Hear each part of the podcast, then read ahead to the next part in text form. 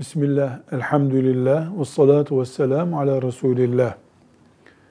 Şükür secdesi Hanefi mezhebi alimlerinin müstehap gördüğü, ulemamızın yaptığı, yapılmasını dinimizden bir parça gördüğü bir ibadet çeşididir. Bir Müslüman mutlu olduğu bir olay karşısında secdeye kapanır. Yani Allahu Ekber deyip secdeye gider. Sübhan Rabbiyel A'la der. Üç defa. Allahu Ekber deyip kalkar. Buna şükür secdesi diyoruz. Bu kıbleye dönülüp yapıldıktan sonra müstehap bir ibadettir.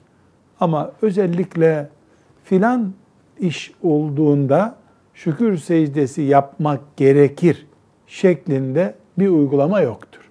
Yapılırsa vardır, caizdir. Mesela işte yeni araba aldı, kazadan kurtuldu vesaire gibi sebeplerle şükür secdesi yapmak lazım şeklinde bir emir yoktur. Velhamdülillahi Rabbil Alemin.